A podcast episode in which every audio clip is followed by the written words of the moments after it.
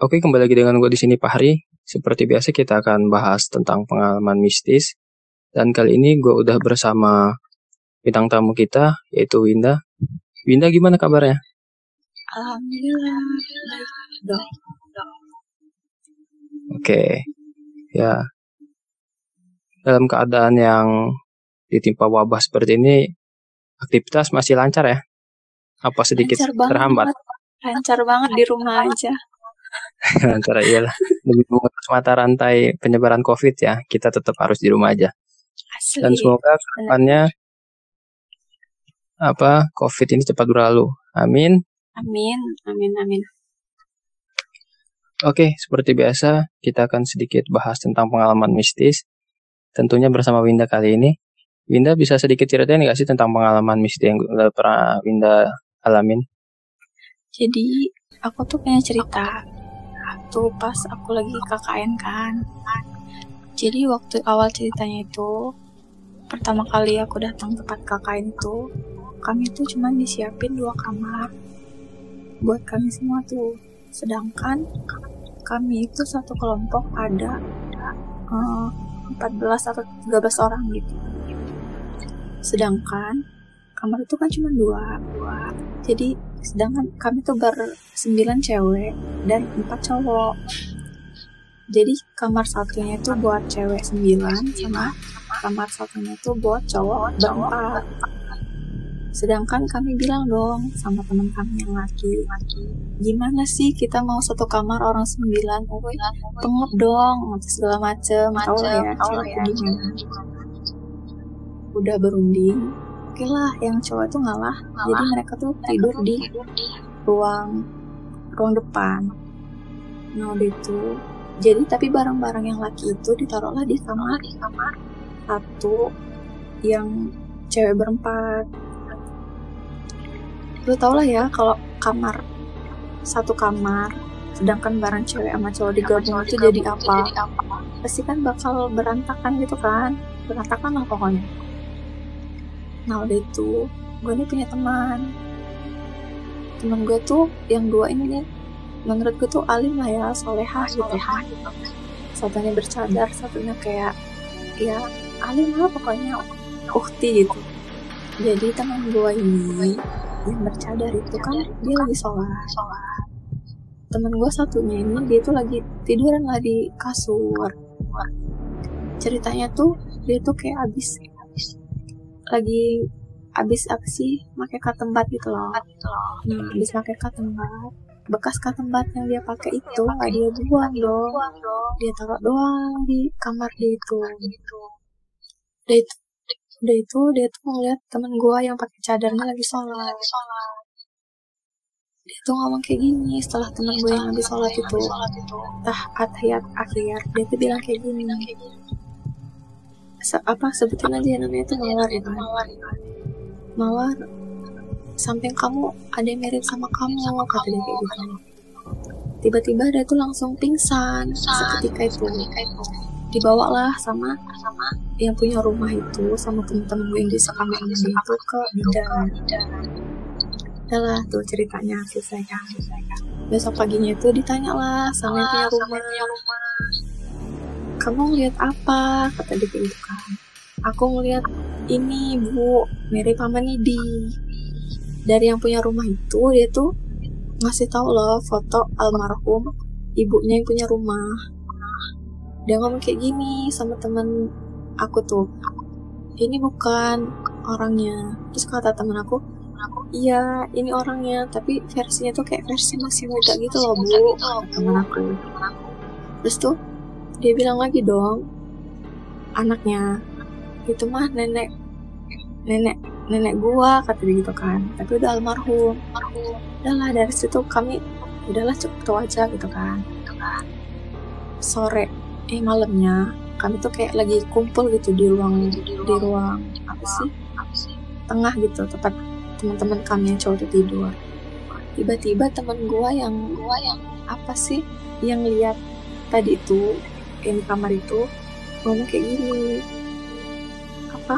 Kamarnya jangan kotor. Dia nggak suka kamarnya kotor. jadi kayak gitu. Ketika dong tem- teman gue tuh langsung apa sih beres-beres gitu. Beres-beres kamar segala macam. Segala macam. Terus besok paginya dia ngomong iya saya lihat orang itu tuh sinis loh. Maksudnya kayak sinis ngeliat ngeliat ke saya kata dia gitu udah itu ya mungkin menurut gue sih kayak yang punya rumah itu yang almarhum itu tuh nggak suka loh kalau kamarnya. dan tempatnya tuh kotor terus nggak terawat kayak gitu. Itu sih kayaknya cerita gue Oke, jadi ini cerita menarik sih menurut gua karena apa ya? Ini nggak nggak nggak langsung selesai di situ aja, terus kayak berangsur-angsur gitu ya kayak hmm, ya gitu Di- pokoknya kayak cerita di malam cuma pertama. sekali doang gitu Heeh. Yang di cerita pertama dia kayak ngelihat penampakan itu kan, langsung dia pingsan. Mm-mm. Dan Ketika keesokan harinya lagi, ketika kamu orang lagi briefing, di situ dia tanpa sadar bicara aja gitu kayak ada amanah nih gitu ya. Tapi itu Iya. bukan dia ngomong.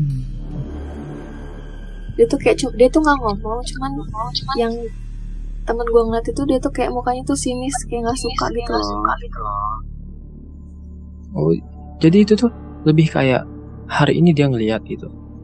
Untuk keesokan harinya rupanya si makhluk itu tuh nggak langsung hilang gitu aja ya, cuma dia lebih kayak gue bakalan nunjukin nih salah kamu orang di mana gitu.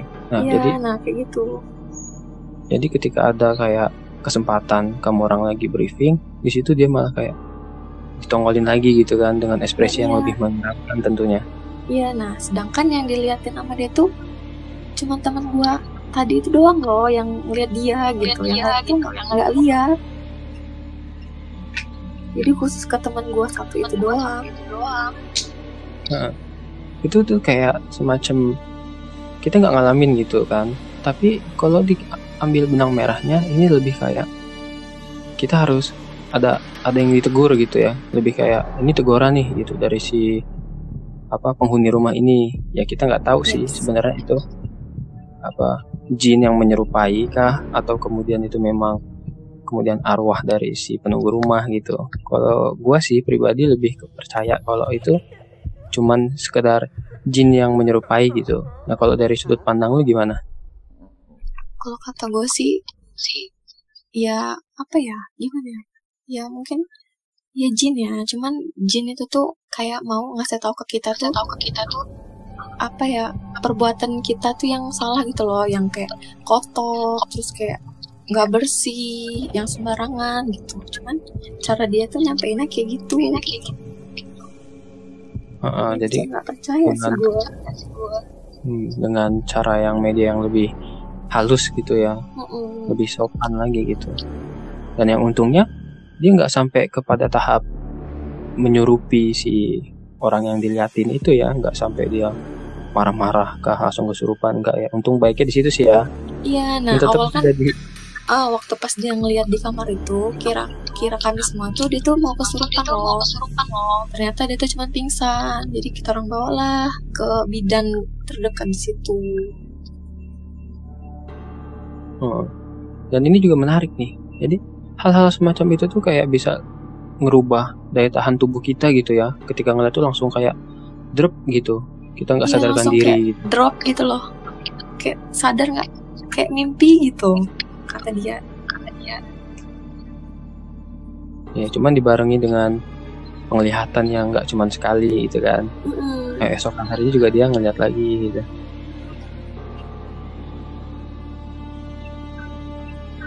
Oke sih kalau menurut gua apa cerita lu ini lumayan menarik. Dan apa hal semacam ini nih bisa dibilang ya nggak cuman kita aja gitu yang ngalamin ya.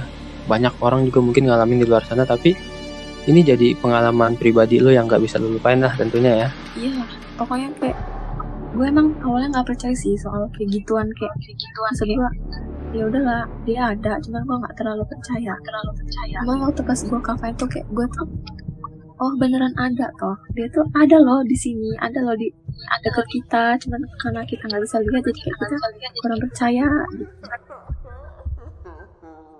Hmm. Oke, mungkin sekian itu aja pembahasan cerita horor kita kali ini. Terima kasih untuk Winda udah sedikit berbagi tentang pengalaman mistisnya dan semoga ke depan kita akan terus komitmen menayangkan lebih lagi cerita-cerita yang lebih menarik tentunya dengan bintang tamu bintang tamu yang lebih lebih baru lagi. Oke, sekian mungkin itu aja dari kita. Salam dari gue dan untuk Winda, semoga di sana sehat-sehat terus ya. Oke. Oke, wassalam.